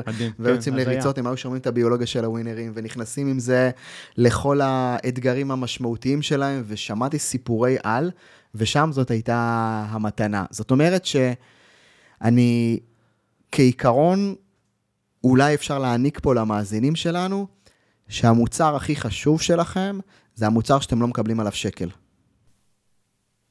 נחזור על. זה. המוצר הכי חשוב שלנו בעולם, זה המוצר שאתם לא מקבלים עליו שקל. ואני. לא אומר לא מקבלים תסביר, עליו תסביר. שקל, אני מדבר על זה ש... אה, יגידו עכשיו, אה, ברור, איתן, יש לי פאנל, אני נותן שלושה סרטונים חינם, ואז מוכר, לא, לא, לא אלה, לא אלה. זה, יש בו למען, יש משהו שממנו קונים. עכשיו, אחלה, אני ב- ב- באהבה, בעד, אוהב להנגיש לאנשים תוכן. המוצרים היום הכי חשובים בעולם הם אלו שהעלית אותם, התחלת אותם, סיימת אותם, נגמר. זאת אומרת, נתת, מתוך נתינה נטו. נגמר הסיפור, לצפות. אין בו משהו בסוף, אוקיי? אוקיי. נתינה. זאת אומרת, כן. יש הפרדה בין תוכן שהוא למען התוכן, לבין תוכן שהוא למען המכירה. נכון, מסכים. והפודקאסט העניק לי space שאני יכול לתת לאנשים תוכן למען תוכן. ותוכן למען תוכן אומר, יש התחלה, יש סוף, יש כלי. אם הייתם עכשיו לוקחים את הביולוגיה של הווינרים, תרגמים אותה, יש אה, 170 פרקים וואו. באזור הזה, תרגמים אותה, יש לכם קורס שהרווארד עדיין לא העמיד. אני מאמין בזה במלוא מאודי. ועם זאת, זה התוכן, והוא עומד stand alone ככה, כמו שהוא. מאפשר לי להגיד לאנשים, חבר'ה, זה התוכן כמו שהוא. כשאני אספר לכם על uh, הרצאה, סדנה או משהו, זה יהיה אך ורק למי שרוצה להעמיק איתי בתהליך או בדרך. והרבה פעמים היום בעלי עסקים, הם כביכול, אתה רואה אותם בחוץ רק כשיש מה? יש איזשהו מוצר, רק יש איזו השקה. צריכים משהו רק מהצד השני, רק רק כשהם כשאתה- צריכים את הלקוחות. זאת אומרת, אנחנו רוצים לעבור מתודעת עס- עסק של נזקקים ומוצצים ויונקים, של אני אפרסם רק כשיש לי עסק, לבואו בואו תהיו. לתודעה של נתינה. ונתינה למען הנתינה, למען ההשפעה. אוקיי. ו- ואני- ו- ופה, אני מסכים לגמרי יש עם ה- פה level שאנחנו נראה שמי שלא יקפוץ אליו, וזאת האבולוציה, אני חושב שאנחנו נכנסים אליה, מי שלא יקפוץ אליו לא יהיה. וברוב פעמים אנחנו נראה עכשיו עוד יותר מה אנשים שמוכרים ייעוץ ל... בוא אני אראה לך איך הטיקטוק שלך צריך להיות, או איך הזה, אין, אין בעיה עם כל זה, זה היה טכני ונשאר מהמם. מבפנים אנחנו צריכים לעשות את היכולת להעניק תוכן למען התוכן. זאת אומרת שסיימתם פרק תוכן ביוטיוב, כשאתם כותבים אותו, תעשו אותו מאלף עד תף stand alone נגמר. זאת אומרת, בלי לאן זה יוביל לי. אוקיי, באמת, כן, כאילו כן, ברמה, כן. אל תדאגו, אנשים כבר, כן, אני מאוד מזדהה עם מה שאתה אומר, מאוד מסכים עם זה. אני רואה את זה בצורה של מעגלים. כמו אדוות כאלה של אה, אתה- זורק אבן ויש לך כמה מעגלים, אז יש את המעגל החיצוני, זה אנשים שיקבלו לך ערך בחינם, הם לעולם לא יקנו ממך שום דבר. וזה לגמרי בסדר, מהמם יוצא לתוכן, כשאתה נותן בטח. ערך לעולם, אתה צריך להיות שלם עם זה. אבל אמרנו, הרבה בעלי עסקים לא שלמים עם זה, מרגישים, "אה, אלה אוכלי חינם, נכון? חברנו המשותף, בוא נראה קורא להם. וכל מיני כאלה, למרות שגם הוא מסכים איתנו, אני בטוח.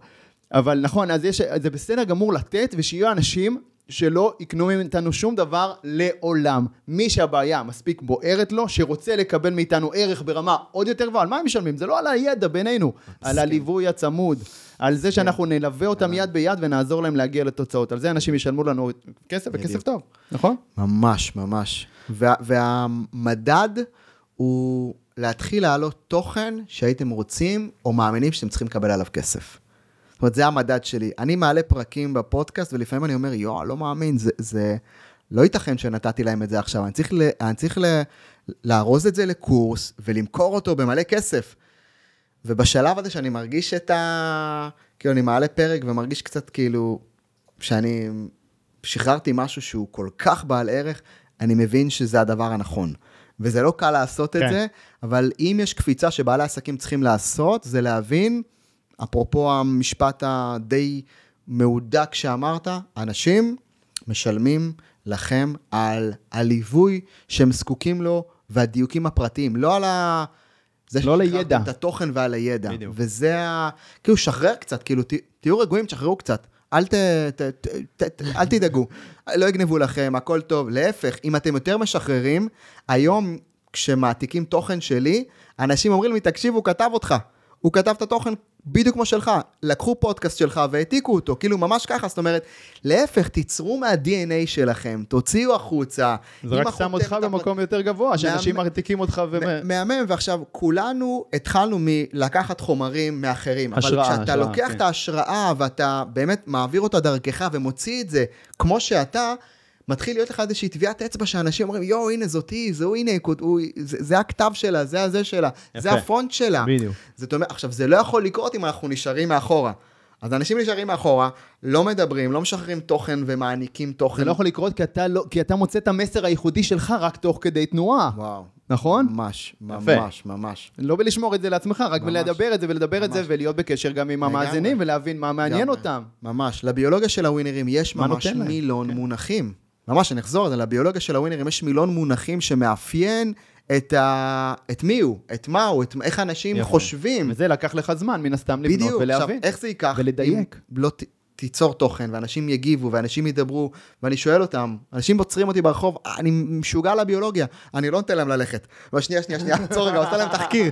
אה, מה, מה, תספר לי, מה זה הביולוגיה בשבילך? זהו, בדיוק. מה קורה שם? לא רק לעוף על? המחמאות, אלא להבין למה. בדיוק, למה? איזה למה אנשים? קונים, למה אנשים לא קונים, למה אנשים מאזינים, למה אנשים לא מאזינים, למה אנשים מתחברים. כן, כן, בדיוק, כן, יפה כן. מאוד. עכשיו דיברנו רגע על זה שאנשים אה, אה, משלמים בעצם רק על ה... או משלמים פרימיום על העניין הזה של ליווי צמוד להצלחה שלהם, אוקיי? איך, אה, אז בוא נדבר רגע על יצירה של מוצרי פרימיום, אוקיי?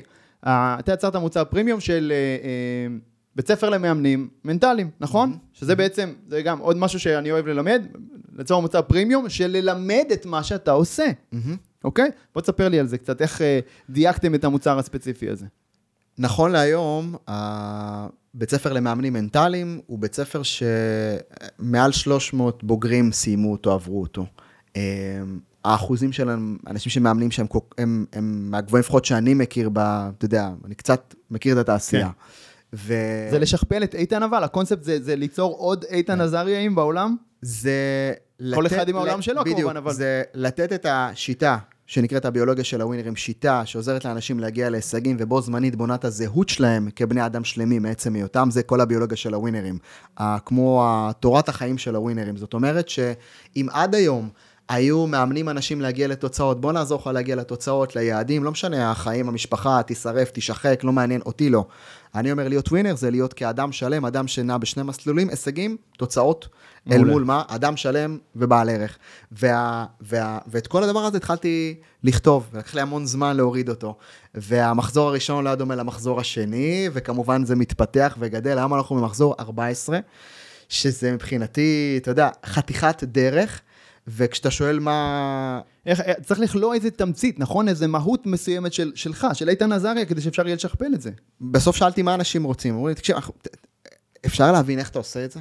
כאילו, איך אתה מוביל אנשים בתנאי לחץ הכי גדולים לאותן ההישגים והמטרות, ואיך הדבר הזה קורה. אז פשוט לקחתי את כל מה שאני עושה, ויצרתי ממנו מסלול. מסלול שאם אתה עכשיו יפגוש, תפגוש אדם חדש שאתה לא מכיר, בין אם זה תלמיד שחרד במבחנים, בין אם זה ספורטאי שבמאני טיים לא זורק לסל, בין אם זה מיזם שכבר שנתיים לא מעלה סטורי כי הוא מפחד ממה אחרים יגידו. זאת אומרת, אימון מנטלי במהות שלו זה לעזור לאנשים במאני טיים, אז פשוט לקחתי את כל הדבר הזה ויצרתי, שזה אני חושב אחד הכוחות שלי, לייצר את אותו תוכנית סילבוס, תוכנית עבודה, והשיטה הזאת עוזרת לאנשים. להפגוש אחרים, להוביל אותם להישגים ולשמור עליהם מאוזנים כבני אדם, שזה משהו שלי לא היה. איתן, הספורטאי, okay. אוקיי. הכדורגלן הצעיר, ומבחינתי זה התיקון, ה... זה התיקון שלי לעולם. ואני מדבר פה על תוכנית, תוכנית של 100 שעות, עם ביסוס מאוד מאוד חזק של אה, רוח, שזה הרוחניות, תורת הנפש ביהדות, של אימון מנטלי, שזה לפסיכולוגיה של הביצועים בספורט, וכמובן שזה המדע, זה מה אנחנו יודעים היום, זאת אומרת, שילבתי מדע, רוחניות ואימון מנטלי בתוכנית אחת, וזה מבחינתי ארגן כמו... אה, איזושהי נחת נורא גדולה, שאני יודע שאני נותן לאנשים את השילוב של שלושתם. אוקיי, אבל תן לנו טיפ שלך לבעל עסק ש- ששומע אותנו עכשיו, ואומר, אני רוצה לייצר מוצר פרימיום כזה, שבו אני מלמד אחרים את מה שאני עושה בעצם. מה הדבר הראשון שצריך לעשות? אני אומר שוב, צריך לכלוא איזה תמצית, נכון? איזה תמצית שלך, של השיטה, של ה... אתה צריך לכתוב את השיטה שלך. שזה יהיה משהו. להוציא את זה מהראש שלך ולהפוך אותו למשהו שניתן לשכפול. אני היום, שזה... קצת באזור השבע שנים מאז שהבית ספר למאמנים מנטליים נפתח. כותב את השיטה עוד פעם, אבל היום אני כותב אותה עם אה, חבר טוב, רועי בן יוסף כנף, שעוזר לי בצורה הכי עמוקה לכתוב אותה, ואני לא קלטתי כמה אני יודע על מה שאני היום עושה. מה זה אומר? זה אומר שאנחנו לא מבינים כמה אוצר יש לנו בדבר הזה שנקרא אנחנו, ואנחנו רוצים להתחיל לכתוב מאפס. כשמישהו פוגש אתכם, ואם הייתם צריכים עכשיו לשכפל את עצמכם, איך הדבר הזה היה קורה? ואני היום, אחרי כבר 15 שעות כתיבה, ואני רק, ב, איך אומרים, ב-50 אחוז של הדבר הזה, ואני חושב שהכיף הכי גדול זה לראות איך כל מה שיש לנו בראש הוא בעצם שיטה שלנו, וזה לא צריך להיות כמו זה וכמו זה, וגיליתי שם איך בעצם עשיתי את זה עד היום על עצמי כשחקן, במועדוני כדורגל, בחברות שאני עובד איתם, והצעד הראשון אתה יודע, פרימיום בסוף זה רק שם, זה רק שם קוד. נכון. בסדר? אני בסוף באמת לא יכול לעבוד אחד על אחד. אני לא יכול באמת לשבת אחד עם עשר לסדנה, אני לא יכול. אני כן יכול להעביר את זה בקבוצה גדולה, שהיא מאוד מאוחדת לעבר מטרה אחת, שהם רוצים להיות מאמנים. אז שבו תכתבו, אם הייתי פוגש אתכם היום, והיה צריך לשכפל אתכם, והייתם עכשיו טסים לחו"ל, אתם לא פה, והיה צריך לשכפל אתכם. איך זה היה נראה? מהשלב שבו נכנסים אליכם לדלת, עד לשלב שבו מגיעים ליעד, למטרה שאתם יודעים לייצר, לתוצאה, כן. מהם הצעדים. ושם קורים ניסים. מעולה. כי פתאום אתה מתחיל לכתוב את זה ו- ו- ולרדת את זה, ומה השלב הראשון והשני והשלישי, זה מה שהייתי עושה. מעולה. אז זה נכון גם ליצירת מוצרי פרימיום כאלה, וגם לצמיחה של עסק וליצירה של סיסטמים, זה בדיוק אותו דבר. ממש. כל מה שנשען רק עליך, שזה רק על מה שיש לך בראש, אתה נוסע לחו"ל, אין עסק. לגמרי. צריך להעביר את זה לאנשים אחרים ולשכפל אותך. וזה תהליך התפתחות פסיכי לכל בעל עסק. לגמרי. אוקיי. בוא נדבר רגע על אמבטיית קרח. איזשהו תחביב אה, שמשותף לשנינו. ווים הוף, ההולנדי המשוגע, אתה גם אה, נחשפת לתכנים שלו? עושה את הנשימות? נחשפתי לעולם הקרח הרבה לפני שווים הוף התגלה לעולם, כי בעולם הספורט, אמבטיות קרח זה... ריקאברי. ריקאברי, חלק ממי שאתה. כן. זאת אומרת, עבור ספורטאי על התחדשות היא קודש. זאת אומרת, ספורטאי מקדש את ההתחדשות. את המסאז'ים אחרי אימונים או משחקים חשובים, כמובן את השינה, את התזונה, את האוכל. ואמבטיית קרח היא אחד, הקרור הוא בעצם אחד המשקמים הכי טובים שיכולים להיות. אז אה, מבחינתי, כמו שאמרתי גם פיזית. בהתחלה, כן, פיזית להיכנס לאמבטיית קרח, זה להתאמן על הלחץ שהחיים גם ככה יביאו לך בלי קרח. זאת אומרת, אה, זה, זה מבחינתי האמבטיה. זה פיזי ויש עוד היבט אה, מנטלי, נכון? מה, מה זה אמבטיית קרח מבחינתך בהיבט המנטלי? אמבטיית קרח מבחינתי, בהיבט המנטלי, זה היכולת להתמסר בתנאי לחץ לאיזשהו אה, אה, חוויית סטרס, הרי כשאתה נכנס לאמבטיית קרח קורה דבר, יש לך את השוק הראשוני, נכון. הגוף אומר אזעקה, אזעקה, אזעקה, יש בעיות, יש לחץ, ויש לך שתי אופציות בקרח. כן, מי שעובר את ה-10-15 שניות הראשונות, או את החצי דקה הראשונה, זהו, ניצח את המשחק. נכון.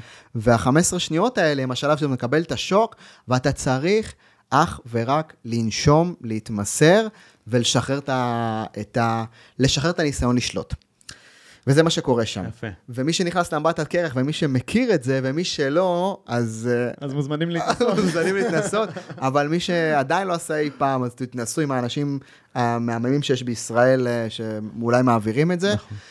זה להיות מוכן להיכנס, בידיעה שעוד שנייה הסטרס מגיע, והדבר היחידי שאתה צריך לעשות, זה אך ורק להתמקד בלמלא את מה? את האוויר ואת החום ולנשום טוב פנימה. ולשרוד. אתה עסוק בלשרוד, ואז אין לך סטרס במוח בעצם, נכון? אתה לא, אתה לא אתה- מסוגל כאילו, לחשוב. ואז יש איזשהו רגע, כן. אז, אז הרגע הוא שאתה אומר, אוקיי, וואלה, אני פה, ואין לך ברירה אלא להיות uh, בכאן ועכשיו. וזה היה היופי ש, שאני, שאני חווה ב, ב. באמבטיה אני הזאת. מסכים איתך לגמרי. וכשאתה יוצא, טוב, ברמה, אתה יודע, מדעית, מה קורה שם בגוף, כל מה שאנחנו מרוויחים שם, זה מדהים. אה, ברמה המנטלית, אתה בעצם מתכונן לאטרף שהחיים מכינים לך. זאת אומרת, אמבטיית קרח היא סוג של החיים.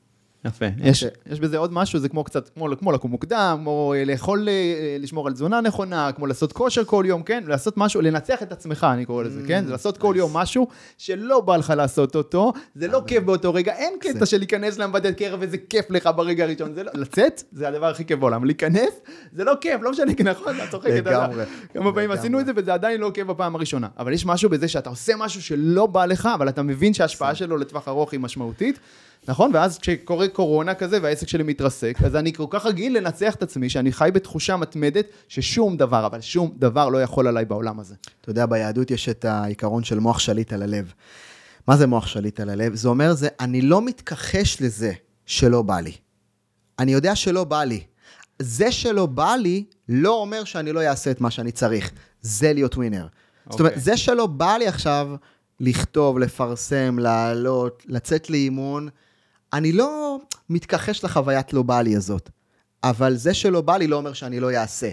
זאת אומרת שאנחנו רוצים, אפרופו, להיות מוכנים שיהיה הרבה דברים שלא בא לנו לעשות, אבל נעשה. למה? כי זה בדיוק מי שנועדנו להיות. נועדנו לתת מהטוב שלנו, מהערך, מהתוכן, מהתכנים. נועדנו להיכנס לאמבטיות קרח כדי לחוות אי נעימות, כדי שכשנצא נהיה אנשים יותר בריאים. נועדנו לצחצח שיניים, כי גם כשלא בא לנו, עושים את זה. נועדנו לצאת לאימונים, נועדנו לתחזק את הגוף, נועדנו, ובעיקר נועדנו לעשות את זה כשלא בא לנו. זה יותר מלהיות בריאים, זה להיות, כשאתה עושה דבר כזה שלא בא לך, משהו גדול כזה, אתה יוצא ממנו בן אדם אחר. אתה יוצא ממנו, אתה התק- התקדמת למדרגה הבאה שלך כבן אדם, כיזם, כבעל עסק, אבל קודם כל כבן אדם.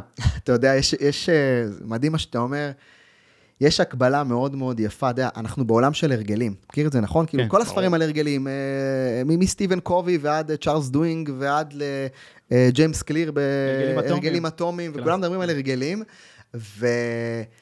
ויש משהו, כשמדברים על הרגלים, שאתה יודע, נעשה ריפריימים מחדש. בעולם ההרגלים יש את ההרגל הכי חשוב. אחרי שבנית הרגל, לדעת לשמור עליו. נכון. וה, והרגע הזה, אפשר להמשיל אותו ל... אתה מכיר את זה שאתה בא ולוקח רכבת? אתה אמנם... הבוקר באתי לפה ברכבת. באת ברכבת? כן. מאיפה באת? בעמק חפר. עמק חפר. כמה שילמת מעמק חפר לתל אביב, לבני ברק? נראה לי 18 שנה. 18 ש"ח, נכון? עכשיו נגיד שהיית צריך לקחת אה, מונית ספיישל מבני ברק למקום קרוב פה בתל אביב. כמה היה עולה לך מונית ספיישל? 100? 100 שקל, 50 שקלים. עכשיו, זה די משוגע, כי באת מעמק חפר, מרחק מטורף, שילמת 18 שקלים. עוד קילומטר, שתיים, מונית ספיישל, הייתי צריך לשלם עוד 50-60 שקלים. וזה הסיפור של החיים. לעשות את מה שאנחנו יודעים לעשות, זה עלות רגילה. להמשיך לעשות את מה שאנחנו יודעים לעשות שוב ושוב ושוב, זה כבר מונית ספיישל. זאת אומרת, להמשיך לעשות את הדבר שאתה רגיל שוב ושוב, עוד פעם, בעיקר כשלא בא לך, זה המונית ספיישל, ש- זה הברכה של הספיישל של? החיים. וההתמדה הזאת היא ברגע של, כן, אני כבר יודע לעשות את זה, אני כבר... כאילו, הרגע הזה שהורדת אימון בשבוע, הרגע הזה שהורדת תוכן בשבוע, הרגע הזה ש... כן, סבבה, אני יכול אה, לחטוף פה עוד איזה חטיף, למרות שאין סיכוי שהיית עושה את זה בהתחלה. אבל ברגעים האלה שאתה מוריד רגל מההרגל שהיית רגיל לעשות, שם אנחנו פוגשים את ההבדל בין ווינרים לשאר. תראה ווינר, אחרי שהוא השיג יעד, הוא יעשה מנוחה, והוא יתכונן לעונה הבאה שלו, מיד להסתכל על היד הבא. והוא, יתייחס נכון. ל... להסתכל ליעד הבא, אבל כמו לתת כבוד להרגל שבא לך, או שחשבת שכבר הגנת, ואתה אומר, זהו, כבר אני מכיר אותו, הוא כבר שלי. אני כבר הבעלים שלו. לא, בשנייה שאתה חושב שהרגל שיש לך הוא כבר שלך, התחלת להפסיד. וכשאנשים, כי צריך להמשיך לעבוד בזה. לגמרי, ואתה יודע, ב- כאילו, יש את העולם שדבר, בוא נבנה הרגל, אנחנו מתעסקים על, כשיש לך איזה הרגל, תהיה מאוד מאוד חכם, לא לחשוב שהוא כבר שלך, אלא לדעת שלעשות אותו שוב פעם כשלא בא לך, או עוד רגע, או עוד יום, שם נמצא הניצחון. מדהים. אפרופו מוניות ספיישל. ביכולת להתמיד. ומה נותן כן. לנו את היכולת הזאת להתמיד? ההבנה הזאת של מי אני, ומה באמת חשוב לי, מה שנותן לך את היכולת להתמיד, ומה הערך שלי. זה ההבנה שפעולות רגילות הן מונית ספיישל להצלחה. אחזור על זה, זאת אומרת, כן. התמדה זה שכבר אני חושב שהשגתי את ההרגל, ופתאום אני מרשה לעצמי להוריד רגל מהגז, דווקא ביום הזה, כשאני בכל זאת אעשה את אותו דבר, זאת המונית ספיישל. זאת אומרת, התמדה זה היכולת להיות בפעולה, שהמוח אומר לך, טוב, עזוב, זה לא הולך להשפיע, זה עוד, עוד אחד מהפעולות, זאת הפעולה. אוקיי, מדהים. מקווה שהגענו עם זה. בסדר. תן לנו ככה לסיכום. אני יודע, אתה שואל שאלות עמוקות. אני יודע, מצטער. תן לנו ככה לסיכום, שאלה אחרונה עמוקה. תן לנו את הטיפ הכי חזק, טיפ, עוד טיפ מנטלי מאוד מאוד חזק שלך ליזמים ששומעים אותנו, בעלי עסקים ש, ש, שהם רגע לפני ה- ה- הפריצה הגדולה שלהם, מחפשים את הפריצה הגדולה או את הקפיצה הבאה שלהם. מה הטיפ המנטלי הכי חזק שאתה יכול לתת להם? שאתם לא רגע לפני הפריצה שלכם. כאילו, אם אתם מחכים לפריצה שלכם, אז זה, זה העסק? הפריצה שלכם? כאילו, אוקיי. אחרי הפריצה, אני אגלה לך מה יקרה. כאילו, אתם תחגגו שנייה, תגידו איזה כיף, ויבוא ישר ציפייה, מסתכלים על המטרה הבאה. וכנראה ש... אתה יודע, חוגגים אליפויות, את השבוע שיכור, ואחר כך נכנסים למשרדים, והבעלים אומר, איך עושים עוד אליפות, או איך מגיעים יותר גבוה. זאת אומרת, הציפייה שהפריצה תגיע, ואחריה כל הדברים ישתנו. רילקס, אבל כאילו, זה כן נהיה יותר קל ויותר נוח ככל שאתה מצליח וגדל. ככל שאתה מצליח וגדל, זה נהיה יותר מאתגר ופחות קל, אלא אם כן, עכשיו אני שובר את מה שאתה אוקיי? אומר, אלא אם כן, מה יש לך? אלא אם כן אתה אמ, זוכר שהפסגה היא רגע שבו אתה צריך לגייס את, ה, את המוטיבציה היותר גדולה שלא היית זקוק לה בהתחלה. אני אסביר, עד ליעד. עד ליעד דוחפים, אוקיי? ניקח את ה... נארגן את הטיפ. עד היעד, לדחוף, מעולה. מוטיבציה, אה, אה, נחישות, התמדה, מעולה. כשתגיעו לפריצה שלכם, בעזרת השם, כל אחד והפריצה שלו, אתם תידרשו למוטיבציה אחרת. זאת אומרת, עד היעד הראשון העסקי שלכם, מדהים שתדחפו. זה מעולה, צריך את זה, צריך את המוטיבציה, צריך את אבל הדרייב. זה נורא קשה, כשאתה לא רואה את התוצאה, אתה לא רואה... נכון, אז מעולה, אז תדחפו עד התוצאה. כשתגיעו לתוצאה, ולכל אחד ולכל בעל עסק, נכון, יש את התוצאה. זה, וזה משתנה כל הזמן, הזאת שלו. נכון, נכון. אתה כל הזמן מעדכן את היעדים והמטרות שלך. נכון, אבל יש איזה רגע שאתה אומר, בואנה, הגעתי לאיזושהי פסגה שאולי אני קצת יותר מוכר וקצת יותר מגיע... שם, בשלב הזה, משהו בתוככם יצטרך להחליף את המוטיבציה שהייתה לכם עד היום. זאת אומרת, אם בתחילת הדרך של יזם, המוטיבציה צריכה להיות להגיע לתוצאה, אחרי שתגיעו לתוצאה משמעותית בחייכם, המוטיבציה צריכה להיות גדולה יותר מרק התוצאות, אלא המוטיבציה של להגדיל את עצמכם כבני אדם, בריאות, שינה, תזונה, ובמקביל את העסק. זאת אומרת יפה. שעד הגביע, מעולה לדחוף. מהגביע לגביעים הבאים, אתה רוצה לדחוף את העסק, במקביל עם דחיפת ובניית האדם שאתה. זאת אומרת, זה ה... אולי הטיפ הכי טוב. אין בעיה, תרוצו, תדחפו, em, תרגישו שחיקה, זה קורה וזה בסדר גמור. זה לא יכול להיות לאורך זמן. זאת אומרת, שימו את האדם שאתם במקביל עם בעל העסק שאתם. אני מציע לעשות את זה גם בזמן הצמיחה הראשונית. נכון, כל הזמן, להיות נכון, אז, בפוקוס, אז אבל אולי זה יותר קשה לראות נכון, אז גיליתי נכון. שכשאני אומר לאנשים, חבר'ה, בואו תבנו את עצמכם כבני אדם קודם, ואז זה אומר, לא, תן לי להגיע, ל-" אז אני אומר, אתם יודעים מה, סבבה. תדחפו לתוצאות, אוקיי, תגיעו, תמלאו אולם, תעשו השקה, תצליחו. למה? כי ככה. המוח שלנו בנוי? סבבה, בא לכם עכשיו, כאילו, אתם עדיין לא, כאילו, את- אתם עדיין מוכווני תוצאה, אתם אומרים, איתן, תקשיב, אתה מחרטט, עזוב אותי אדם, וזה, כשאני אגיע לתוצאות אני אתחדש, לכו, אין בעיה, all in. תדחפו את עצמכם, תנו all in, אל תנוחו, אל תשנו, תהיו בסטרס, תתעוררו, תעבדו עד שתיים בלילה, תתעוררו בארבע לפנות בוקר, מעולה. וזה מעולה כי כשתגיעו לפסגה, אתם תבינו שמסדר החיים שבניתם הוא נוראי. ואז תצטרכו לבנות מסדר חיים נוסף, או פילוסופת חיים חדשה, או לייפסטייל אחר, שבעצם מצליח לבנות אתכם כשחקנים אינסופיים, גם כבעלי עסקים וגם כבני אדם. מדהים. וזה מה שנותן לנו את היכולת להמשיך להתקדם ולהתפתח לגמרי. ולהשתפר ולהיות הגרסה היותר טובה של עצמנו כל הזמן. לגמרי, נכון? לגמרי, לגמרי. איתן עזריה, תודה רבה, זה היה תענוג גדול. אה, תודה לך, היה כיף, היה כיף גדול. תמשיך לעשות טוב. בכיף. יאללה חברים, יאללה ביי.